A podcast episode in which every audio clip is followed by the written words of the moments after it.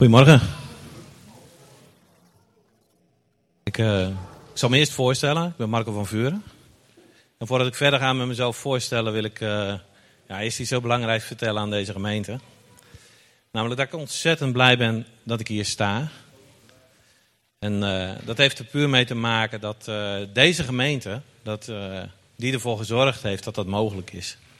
Dan zul je misschien afvragen van hoe is dat mogelijk dan? Hè? Wat, wat heeft daar dan voor gezorgd? Maar wij hebben drie jaar geleden hebben we besloten om naar, uh, naar Zutphen te komen. En uh, ja, dat was eigenlijk uh, wel iets wat met twijfel omhuld was. Van moet je die stap dan gaan zetten? Hè? We zitten toch goed waar we zitten en moeten we wel gaan? Toen zaten we op een gegeven moment zaten we met z'n tweeën in de auto, Heidi en ik.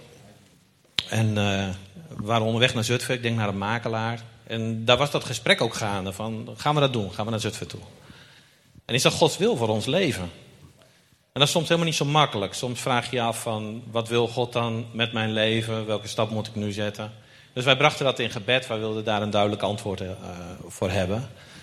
En dat liet niet lang op zich wachten. Want toen wij over de oude brug de IJsselkade opreden... Hij begint al te lachen. Daar stond daar een groot billboard, denk ik dat het was. Of het was achter de ramen van een van die panden daar geplakt. Dat, dat moet je me ten goede houden, dat weet ik echt niet meer. Maar er stond volg Jezus. Dat was natuurlijk een uh, reclame of een, een uiting uh, van Jezus leeft campagne voor de verkiezingen. Maar het was voor ons was het op dat moment was het echt heel duidelijk een woord van God. Dat God tegen ons zei van weet je, als je achter mij aankomt, dan maakt niet uit waar je naartoe gaat. He, dan, ik zal voorzien. Dus dat was heel mooi. En de, de kogel ging door de kerk, om het maar zo te zeggen. En uh, we hebben besloten om deze kant op te gaan. En eigenlijk in de voorbereiding ja, struikelde ik al. Uh, ik had jarenlang uh, binnen ons gezin veel te hard mijn best gedaan om allemaal bordjes in de lucht te houden. En ik was gewoon eigenlijk al uitgeput op het moment dat we gingen verhuizen. Dat was ook de reden dat we gingen verhuizen. We moeten iets veranderen in ons gezin. We moeten iets veranderen in onze omstandigheden.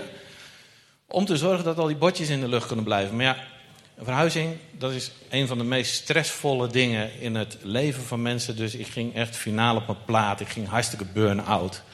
En dan moet je verhuizen. En dat was hartstikke lastig. Onze oude gemeente heeft ons uh, geholpen om alles in en om ons huis in orde te maken. Om het verkoop klaar te krijgen. We probeerden hier een huis te kopen. En met dat we daarmee bezig waren, we hadden een huis gekocht. Moest natuurlijk ook ons huis verkocht worden. En wat gebeurde er? Corona begon zich aan te dienen. In november 2019 er werd al eh, veel angst onze wereld ingeblazen over een gevaarlijke virus wat er aankwam. En geloof van mij, als je burn-out bent, eh, er ligt al druk op je leven. Als er dan extra druk op je leven komt in de vorm van angst. Ik werd echt gewoon depressief en ik kon gewoon echt niks meer. Dus wij zijn als het ware de IJssel overgetild door onze vorige gemeente. En we kwamen hier aan in een lockdown. Nou, ga maar integreren, hè? Ga maar je, uh, ga maar je integratieprogramma doorlopen. We hadden wel met elkaar afgesproken van we gaan leuke dingen doen en restaurantjes zoeken. Want je moet toch weten wat de goede plekken zijn om in Zutphen te zijn. Maar als wij Zutphen ingingen, dan kwamen we in een spookstad terecht, want alles was, was dicht. Dus ik werd heel teruggeworpen op mezelf. Ik stond stil in het leven. En ja, heel langzaam weer terug in de rust gekomen, weer wat op krachten gekomen, totdat het moment zich aandiende dat wij als een van die dertig mensen dan in de dienst mochten komen bij Leef. En ik was meteen thuis. Ik had zo de aanbidding gemist. Ik had het zo, dat was het belangrijkste eigenlijk in mijn leven. Ik ging al een hele tijd niet meer naar de kerk toe, omdat ik het gewoon qua prikkels niet meer kon handelen. Nou, wat een zegen kan corona dan ook zijn, dat je maar met z'n dertigen bij elkaar kunt komen. Want dan is het in één keer te behappen. Laten we dat ook even aanstippen. Dus we kwamen hier in een gemeente en er was een zegen. Op het moment dat we hier in de gemeente kwamen, uh, meteen eigenlijk al zo, daar gaan we settelen. Dus uh, we mochten ons hier voorstellen en uh, dan ga ik nu even wat herstellen. Wat ik toen verkeerd heb gedaan, verkeerd. Ik mocht mijn gezin voorstellen, we stonden hier met z'n, voor, met z'n, met vieren. Uh, Heidi en Gijs en Kees en ik. Ik heb ons voorgesteld, maar ik heb niet eens Kees zijn naam genoemd. Dus bij deze Kees hoort echt bij ons gezin en dat wil ik even herstellen. Volgens mij is het heel ongemakkelijk. Als je voorgesteld wordt aan de kerk en je komt thuis. Ik zeg tegen Kees, ik heb helemaal je naam niet genoemd. Kees zegt, ja, geeft niks. Ik had het niet beter gekund. Volgens mij is het toch ongemakkelijk als je naam niet genoemd wordt. En toch, volgens mij is het nog veel ongemakkelijker als je naam genoemd wordt op zo'n moment als dit. Dus uh, ik heb hersteld en tegelijkertijd een nieuwe wond aangebracht. Vergeving, genade, alsjeblieft. Maar goed, we zijn hier met z'n allen. Uh, Heidi, Gijs, Kees en Gijs de vriendin, Anneke. En we voelen ons zo gezegend. Vooral omdat Leef een gemeente is die leeft. De naam is niet gelogen. We zijn hier op, opnieuw in onze kracht gebracht. En uh, bediening is geactiveerd opnieuw. Bewijs is dat ik hier sta. Er is hier Godspraak in de gemeente. Dat is heel belangrijk. Er wordt geprofiteerd. Er worden woorden van leven worden er gesproken. Dus daarvoor bedankt. Echt van harte bedankt. Jullie zijn echt zo'n mooi lichaam. Ik hou zoveel van jullie. Dus dan heb ik een klein stukje van mezelf verteld, heb ik mezelf voorgesteld. En met dat ik dat doe, dan weet ik dat het niet volledig is. Want ik kan over mezelf vertellen, uh, mensen kunnen een biografie over zichzelf uh, schrijven of laten schrijven. En dan lees je het en dan denk je dat je zo iemand kent. Maar eigenlijk ken je hem helemaal niet, want je moet met elkaar op stap. Je moet met elkaar dingen samen gaan doen. Pas als je echt één op één of in een groepje, maakt niet uit. Maar als je echt met elkaar op stap gaat, als je echt wil weten wie iemand is, moet je met elkaar op stap. En daar gaat vandaag eigenlijk over. Ik ben. Nou ik heb, toen ik een jaar of twintig was, heb ik beleidenis gedaan. Heb ik gezegd van ja, ik ga achter de Heer Jezus aanlopen. Veel later nog, toen wij uit de traditionele kerk naar de evangelische gemeente gingen, hebben we ons ook laten dopen. Dus we lopen al een tijdje achter de Heer Jezus aan. Maar ik ging op een gegeven moment nadenken van... Ja, maar God de Vader, wie is Hij dan? Het is wel belangrijk om te weten. Dus ik ging op zoek naar wie God de Vader is. En ik kwam allemaal namen tegen. Ik kwam allemaal namen tegen van God die allemaal betekenis hebben. En dat vond ik heel mooi om te lezen. Maar ik wilde die namen ook gewoon proberen te begrijpen. El Shaddai, de Almachtige. Dat is een almachtig mooie naam. Ik wilde gaan begrijpen wat uh, Jehovah Jireh of Adonai Jireh betekent. De Heer die voorziet. Of hoe zit dat dan met uh, Yeshua Rafa, de Heer die geneest? Dat, ik ging zoeken, ik ging lezen in Gods woord en ik kwam er eigenlijk achter dat je er alleen maar achter komt wat die woorden betekenen als je heel de context leest. En dat maakt het meteen deze preek heel complex. Dat ik denk van nou, als ik wil duidelijk maken wat ik wil duidelijk maken, wat ik ervaren heb, wat ik doorleefd heb in mijn leven, dan moet ik Genesis 12 tot 22 gaan lezen. Dat wordt lastig. Of dan moet ik gaan lezen. Dan, hoe ga ik vertellen wat er in Genesis 12 tot 22 staat? Nou, dat kan ik niet lezen in een dienst. Ik heb een half uur. En uh, daar gaan we het niet mee doen. Nou goed, punt was op een gegeven moment van als je echt wil gaan begrijpen wie God is, dan moet je met hem op stap gaan. Nou, ik denk, weet je, we zitten in de vakantie. Er moet een thema aangegeven worden. Hoe vat je nou samen wat er besproken wordt in zo'n dienst? En toen kwam het idee van nou, backpacked of all-inclusive. Nou, vakantie. Hè? Zijn er die mensen op vakantie? Geen mensen op vakantie. Dan, moet je er misschien, dan ben je misschien net geweest, of dan moet je er nog over nadenken. Maar ik heb zeg maar twee extreme, twee uitersten heb ik naast elkaar neergelegd. En de een is van, ik ga op vakantie en ik wil tijdens die vakantie wil ik ook helemaal niet over nadenken wat ik allemaal moet gaan doen en zo. Ik wil gewoon rusten, ik wil gewoon zitten, ik wil gewoon met een gin tonic aan het strand zitten of onder een parasol op het terras van het resort waar ik ben. Helemaal niks. Of je zegt, ik wil meer avontuur. Ik, uh, ik wil wat beleven. Maar goed, dan moet je wel nadenken wat je gaat doen. Of niet. Of je haakt aan bij iemand die bekend staat, die al de naam heeft om avonturier te zijn. En dan komt Mark in beeld. Mark, dankjewel dat je hier vanochtend bent. Mark is mijn gids op het backpack-gebied uh, geweest. Mark heeft uh, het nodige gereisd in zijn leven en uh, is ook als zendeling werkzaam geweest in India. En Nou, als Mark wat organiseert, ik moet altijd alles van tevoren bedenken. Uh, overal waar iemand anders een punt neerzet, zet ik een komma. Ja, want en, maar en zo.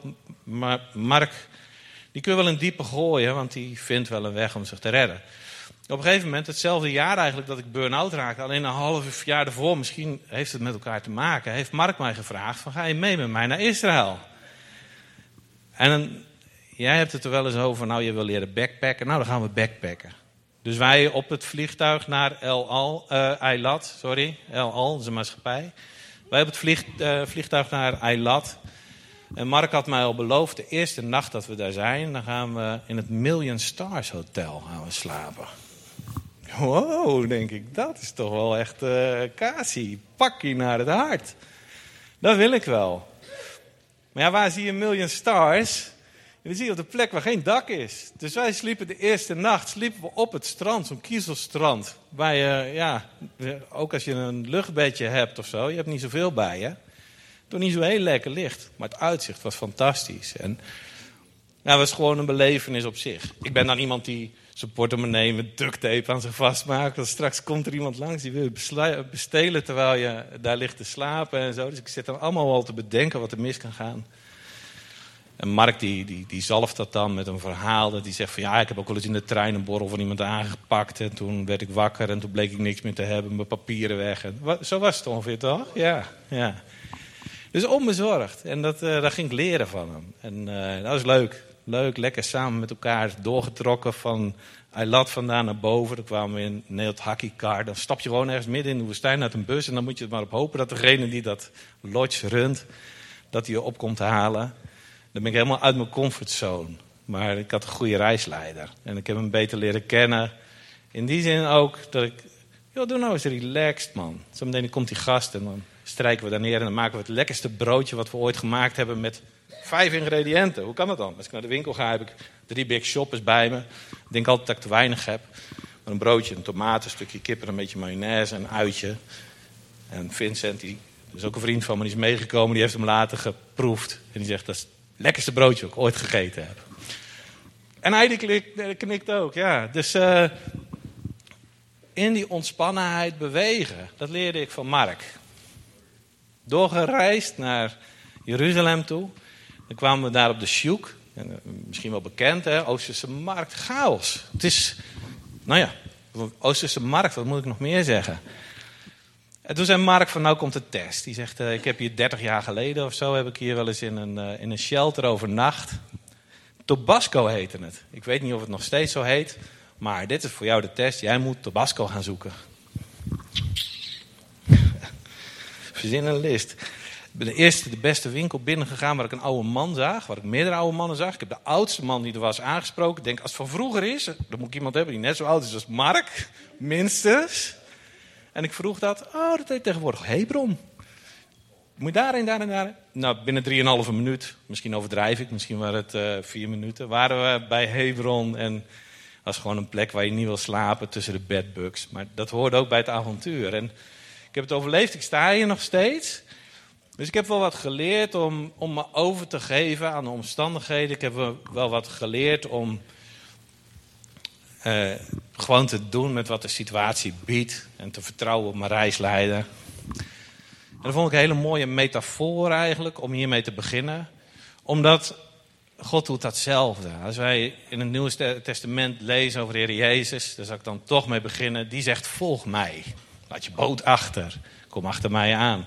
En je weet helemaal niet wie het is. Ja, van horen zeggen. Of je hebt misschien een keer een preek gehoord en je had gemerkt dat hij met autoriteit sprak.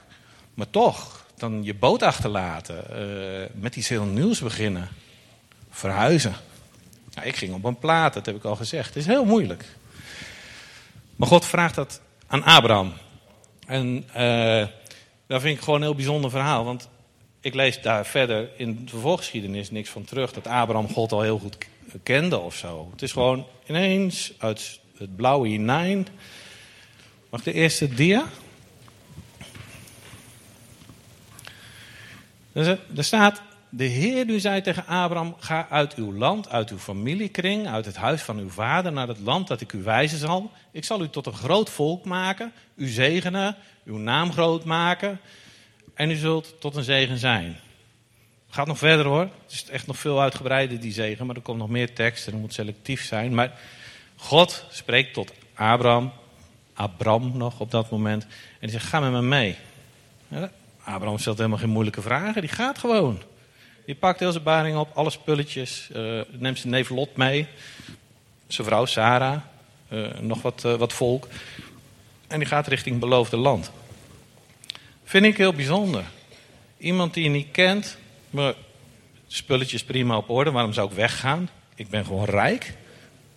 Maar goed, blijkbaar spreekt het aan. Doe de volgende maar, Eduard.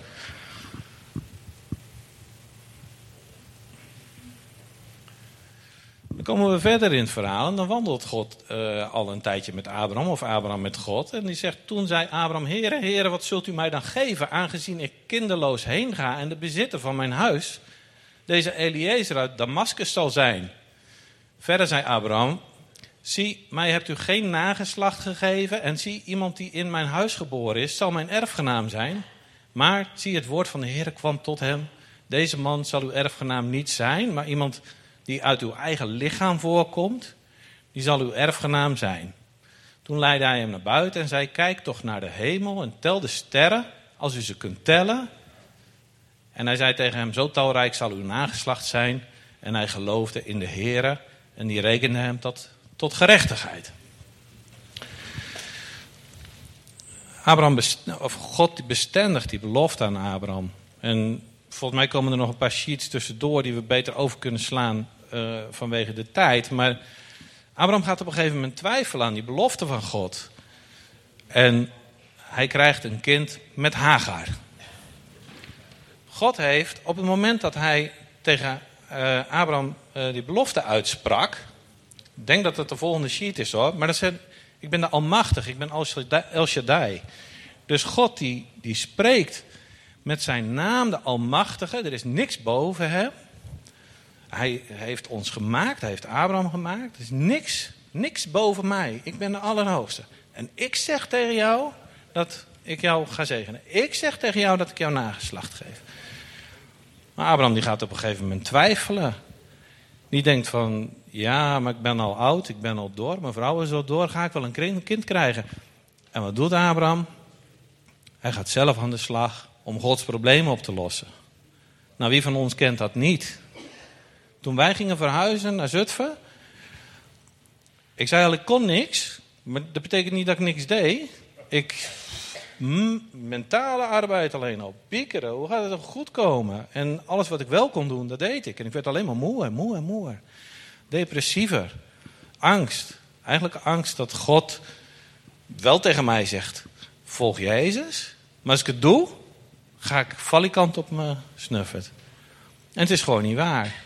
Maar ook Abraham dus, die steeds persoonlijke ontmoetingen heeft met God. Die hem van aangezicht tot aangezicht spreekt zelfs. God komt echt gewoon bij hem thuis. Hij eindigt gewoon lachend op de grond. Als God tegen hem zegt, ik ga je een, zoon geven uit je, eigen, uh, uit je eigen vrouw. Sarah eindigt ook zo. Maar God doet het wel. En dat is zo ontzettend mooi. Dat je op het moment dat je zelf in de twijfel raakt, en ik denk dat we dat allemaal kennen, dat je op een gegeven moment bij jezelf denkt van, ik heb alles gedaan om mijn huwelijk te redden. Ik, heb, ik weet het niet meer. En ik heb gebeden en er is godspraak geweest. Er zijn mensen die hebben Gods woord over ons huwelijk uitgesproken.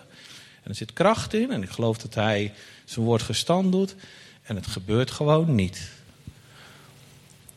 Of je zegt van ja, weet je, uh, mijn kinderen die gaan helemaal niet naar de kerk toe. En ja, God kan wel zeggen dat hij ze bij de naam geroepen heeft, maar ik zie er echt gewoon geen interesse voor om hem te volgen of zo.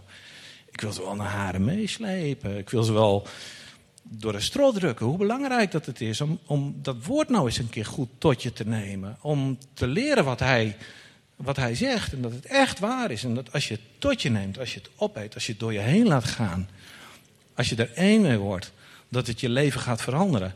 En dat er echt geen enkele reden is om te verzinnen dat je niet achter hem aan zou willen lopen. Het is zo mooi. Ik kan dat niet. Ik kan alleen maar tegen de Heer zeggen: Heer, ik, ik, werk, ik werk, ik werk. En ik zie dat het helemaal niks uitwerkt. Het werkt alleen maar uit dat er weerstand komt en zo. Trekt u hem naar u toe. trekt u haar naar, naar zich toe.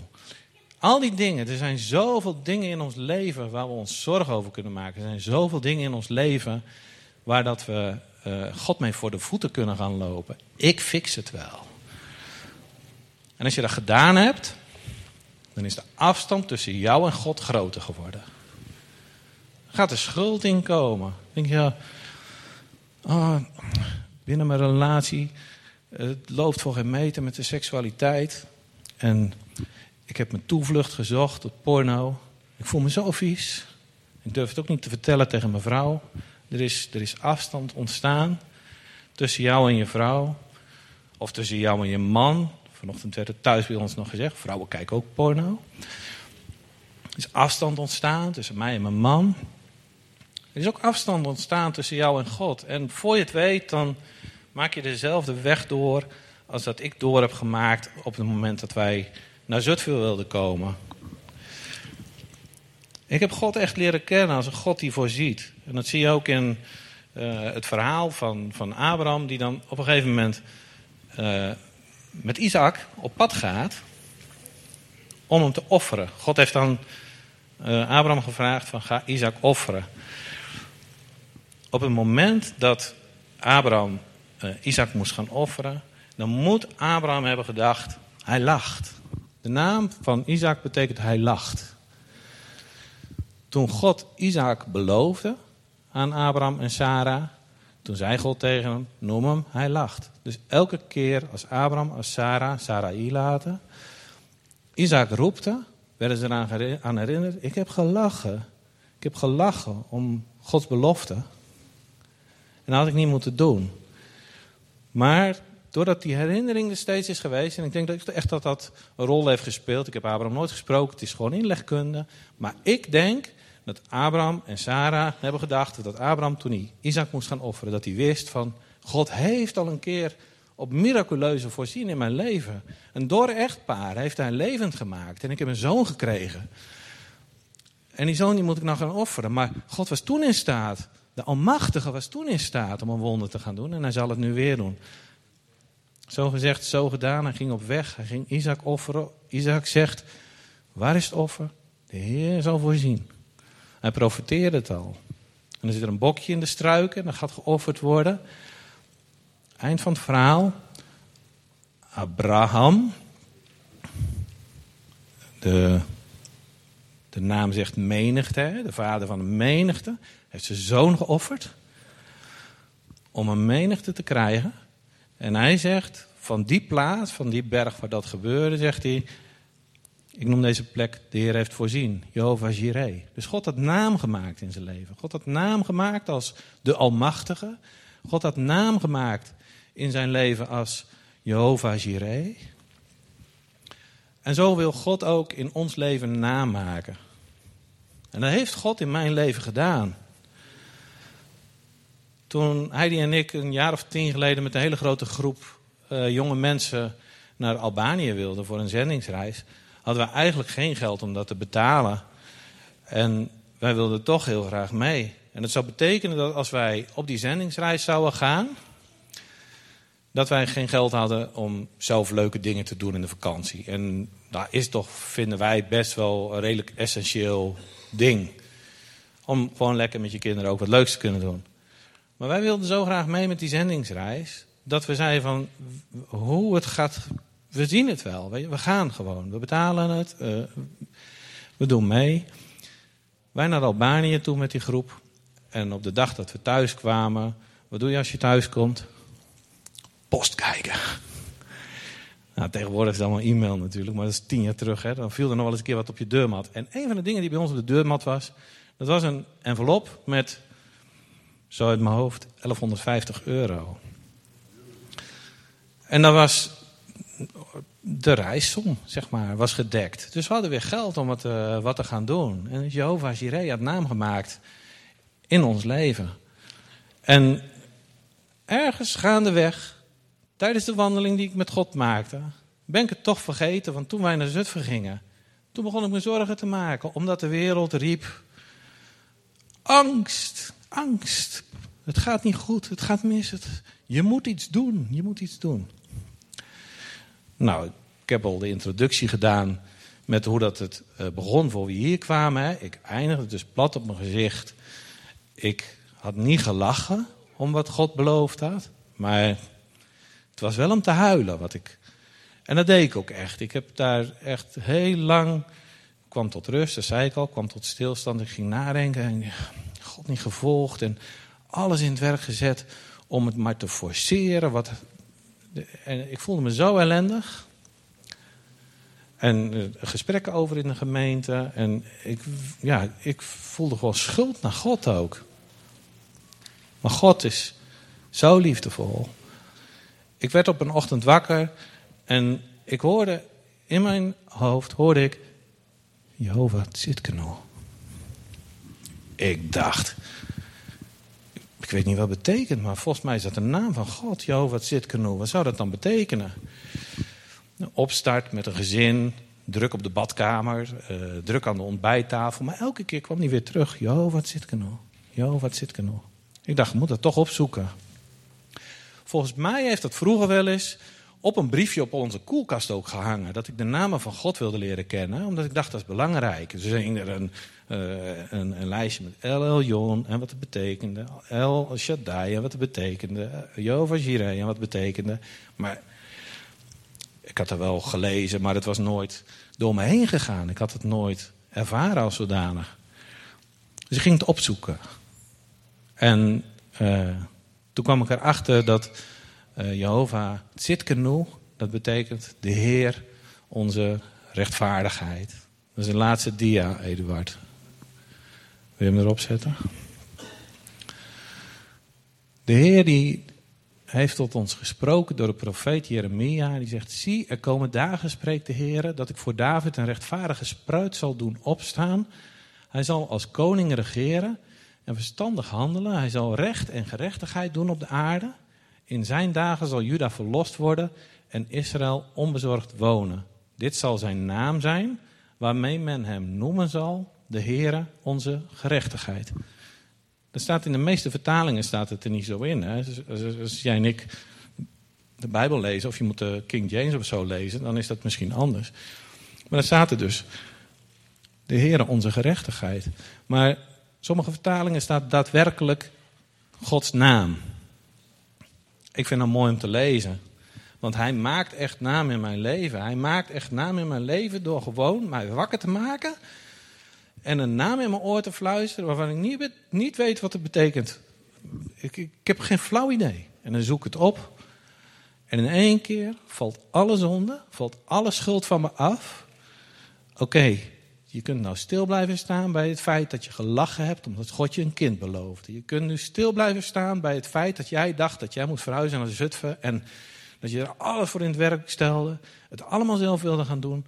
Allemaal kracht, allemaal douwen, allemaal trekken. Allemaal uit jezelf. In plaats van dat je zo heel dicht achter me aanliep. Maar ik kijk jou daar niet op aan. Ik ben blij dat je die les geleerd hebt. En ik heb met mijn bloed heb ik voor jou betaald. Ik heb het allemaal heel gemaakt. En dan komen we bij Yeshua. Dan komen we bij de naam boven alle namen die naam gemaakt heeft in mijn leven. En ik hoop dat hij ook naam maakt in jouw leven. Hij heeft zichzelf gegeven. Hij heeft zichzelf opgeofferd voor jou. Om jouw heel, leven heel te laten. Om jou ook vrij te maken van schuld, van zonde, van pijn. Dus als je ergens mee loopt, als je met, met wonden loopt, omdat je niet dicht genoeg achter de Heer Jezus bent aangegaan. Als je voor hem uit bent gesneld met je zwaard. Want het kon niet zo gaan zoals hij dat wilde. Het moest anders, want jij het beter dan hij. Hij vergeeft het je allemaal. Als je niet voor hem uit bent gegaan, maar als je veel te ver achter hem bent gebleven. En zijn stof is niet op jou neergekomen. Dan zegt hij, kom dichter bij mij. Als ik dichter bij jou, als jij dichter bij mij komt, kom ik dichter bij jou. En ik zal je leven heel maken. Ik zal je laten zien hoe dat ik je leven bedoeld heb. Ik zal je tot je recht laten komen. Ik zal namaken in jouw leven.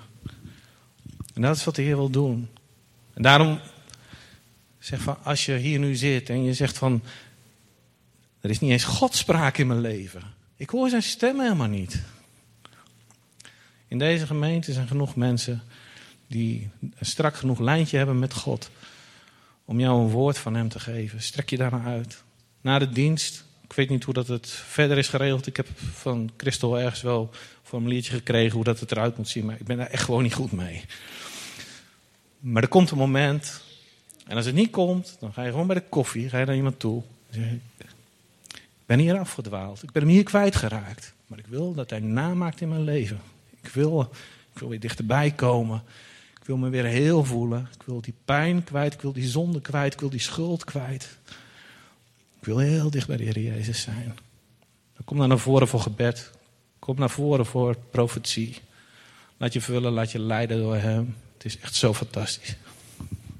Dank u, Jezus.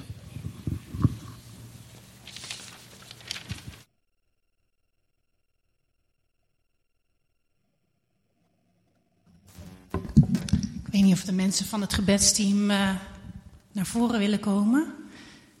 En uh, gaan wij ondertussen zachtjes doorspelen.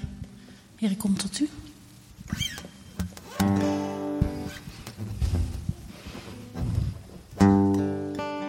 Mocht je ervaren dat je voor iets wil bidden of laten bidden, dan mag je naar uh, Ine.